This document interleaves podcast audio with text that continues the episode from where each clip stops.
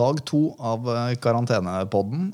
I dag skal vi snakke om eksponentiell smitteutvikling i USA, en ekstrem VIX-indeks og en Trump som har kommet på banen.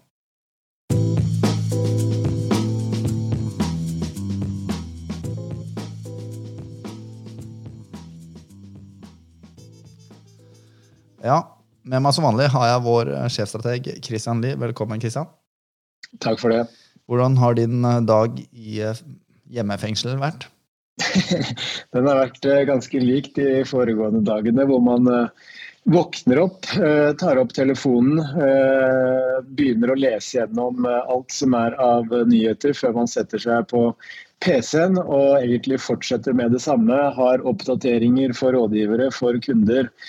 Og ja, det, går hele dagen, men det er jo veldig spennende. Og journalistene de ringer sånn gjerne etter åtte på kvelden. Så da i tillegg til gjennom dagen ellers. Så det blir, det blir, lange dager. Men det er spennende og sånn passe skummelt samtidig. Ja, det er, det er ganske hektisk. Jeg kjenner på det, jeg òg, her vi sitter eh, innestengt inne i huset. Og man må selvfølgelig være litt ekstra forsiktig når man har en gravid i hus, for å ikke dra noe tull inn her. Så eh, vi får bare prøve ja. å takle den isoleringen så godt vi kan. Hva er eh, siste utvikling med, for dette viruset? Det siste vi, vi, ser, eh, det er jo at den situasjonen vi har, har, luktet på en stund i forhold til Kina og Sør-Korea, den ser ut til å fortsette. Avtagende antall smittede, nye smittede. Mens situasjonen da spesielt i Tyskland, Frankrike og USA fortsatt ser ut til å ha et eksponentielt forløp. Eh, det som er et bitte lite lyspunkt eh, å spore fra Italia, som vi vet har vært ekstremt hardt rammet, og som ikke minst har en veldig høy dødsrate fortsatt, det er at også der er det nå tegn, det siste døgnet i hvert fall, til at smitteveksten kan være i, ferd, med å avta. og I så fall så ville det være veldig veldig positivt. Eh, vi ser stadig flere land eh, går mot eh, mer komplett nedstengning av økonomien og av den sosiale mobiliteten. Det ser ut til å være nøkkelen for å begrense smitteveksten. Og vi ser at flere og flere europeiske land gjør det her. Og så er nok USA fortsatt litt trege i forhold til å, bli strenge nok på det her, men vi tror at også de kommer etter.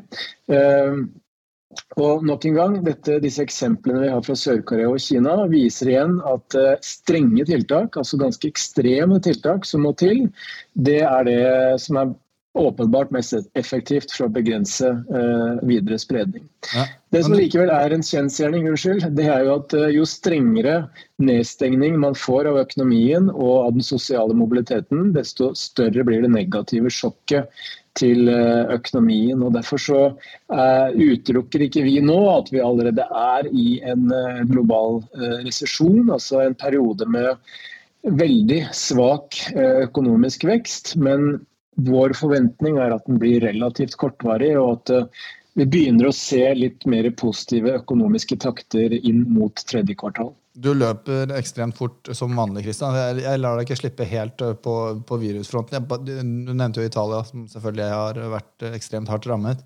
Men jeg leste der at dødsraten fortsatt ligger på nesten 8% i Italia. For meg så vitner jo det om at vi langt fra har sett eh, eller har riktig tall da, på antall smittede?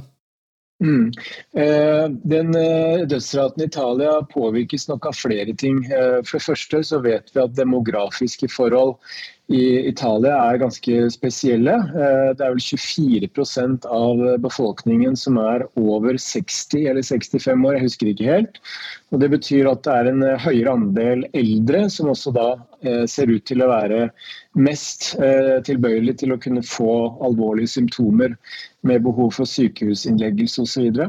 Det andre er jo også at denne boomen i nye smittede har kommet veldig raskt eh, og overbelastet helsesystemet.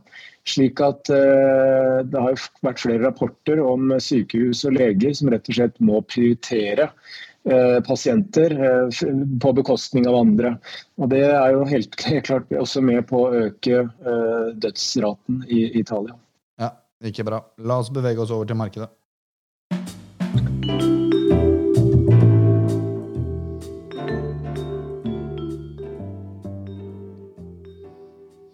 Jeg merker at den uh, pauseheismusikken vi har i den poden her, den fremstår som ekstremt kynisk når vi snakker om de tingene vi gjør nå. Men, uh, men uh, vi er bare budbringerne av det som vi ser på som fakta, så sånn for å bare være. Hvordan, hvordan Og så er vi litt, fortsatt litt amatører. Ja, det er vi også. hvordan har markedet vært i dag, Kristian? Og er foreløpig? Takk og lov så har det vært opp i dag. Eh, spesielt gårsdagen den er, var ekstremt krevende. Altså, vi hadde det største endagsfallet i Dow Jones-indeksen siden krakket på Wall Street i 1929. Falt 12,9% på en dag. Og de kursfallene vi har hatt egentlig de siste 14-18 dagene, har vært eh, helt ekstreme. Så faktisk eh, fra toppen eh, av markedet nå i februar og ned til det vi kaller et bear-marked, det har aldri skjedd raskere enn det vi har sett nå i, i februar-mars. Og Det setter jo ting litt i perspektiv. Bunnen har rett og slett falt ut. Men heldigvis så får vi noen gode dager innimellom for å hente oss inn igjen på. Eh, og Oslo Børs var litt opp i dag. Europa var opp 2,2 eh, og i USA så stiger SMP 500-indeksen rundt 4,6% i øyeblikket. Og eh, nå skal vi ikke foregripe begivenhetenes gang, eh, men det har kommet eh, flere tiltak fra myndighetene rundt omkring i hele verden som eh, forhåpentligvis begynner å få en stabiliserende effekt på sentimentet blant investorer. Fins det noen historiske data, eller det finnes selvfølgelig, men vet du om er det noen sammenheng mellom hvor kjapt markedet eh, faller, og hvor fort det henter seg inn igjen? Mm, den, den, er litt skummel, fordi vi hadde jo 1987. Da falt jo markedet ekstremt raskt. Eh, nesten like raskt som det har gjort nå.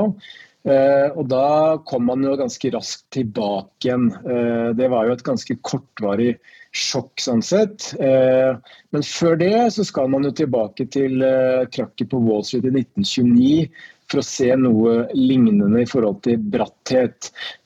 Problemet den gangen, som vi også var inne på så vidt i går, det var jo at man da var på vei inn i en depresjon. Og man fikk faktisk ikke tilbake pengene dersom man investerte på toppen før krakket på Wall Street 1929. Så var man tilbake i pengene en gang ute på 50-tallet. Eh, så det er vanskelig å si eh, helt konkret om brattheten i fallet har noe egentlig å si for eh, utsiktene fremover, men det er jo vår forventning, fordi at dette er et ganske en veldefinert krise. Altså Vi vet hvorfor det har skjedd, vi vet hva som er den potensielle løsningen. Og vi vet at myndighetene pøser på med stimulanser, som igjen kan gi en voldsom medvind dersom dette viruset velger å være litt mer medgjørlig og gå bort. Av og til når jeg stiller deg spørsmål, Kristian, så får jeg en sånn god og varm og fussy feeling først, når du begynner å svare. Men så har det en tendens til bare fordufte ettersom svaret ditt går videre. Men jeg vet ikke om jeg skal ta det som et kompliment. Nei, du får spørre kona di.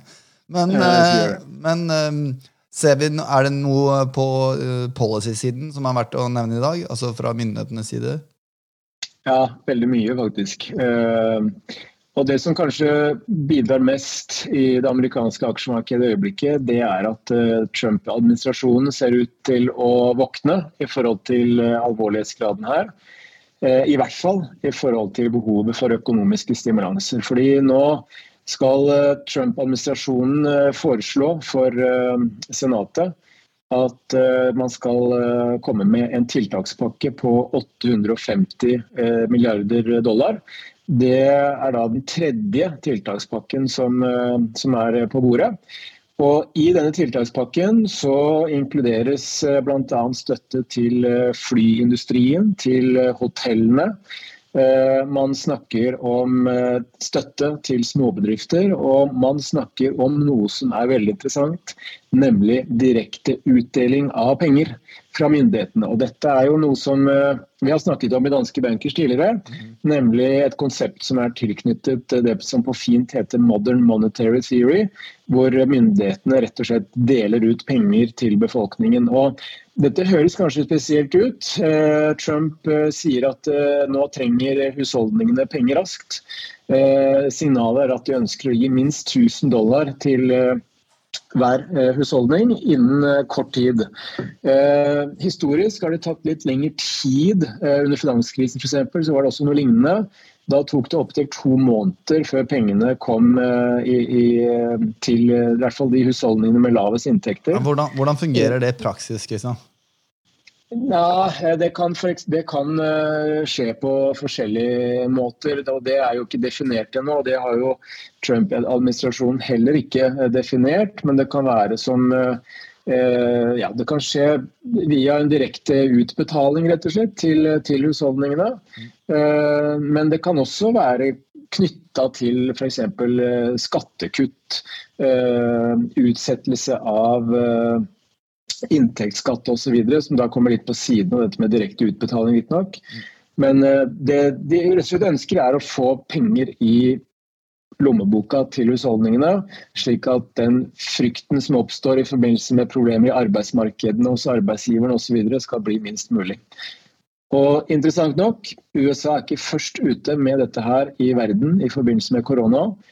I Hongkong så har myndighetene gjort det samme. De har delt ut 1200 eh, dollar til eh, befolkningen, mm. Eh, hver av dem, mm.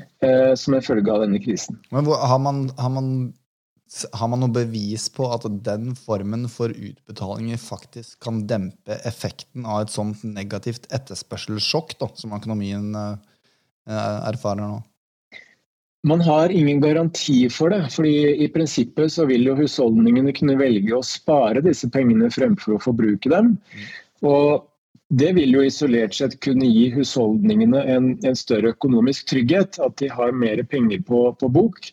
Eh, men det vil ikke direkte hjelpe økonomien, fordi hvis pengene går til sparing fremfor forbruk, så gir jo ikke det noen positiv økonomisk impuls. Men det kan gjøre situasjonen for husholdningene mindre usikker. Eh, og Det kan i seg selv gjøre at husholdningene er litt mer tilbøyelige til å bruke penger, og ikke stoppe helt opp, i hvert fall. Det er bra. Kristian, jeg tror vi skal runde av her. Vi, ja, vi klarte å lage en sending som er dobbelt så lang som det som var eh, meningen. I morgen så prøver vi igjen på å lande på 57 minutter. Men vi høres i hvert fall igjen i morgen. Det gjør vi.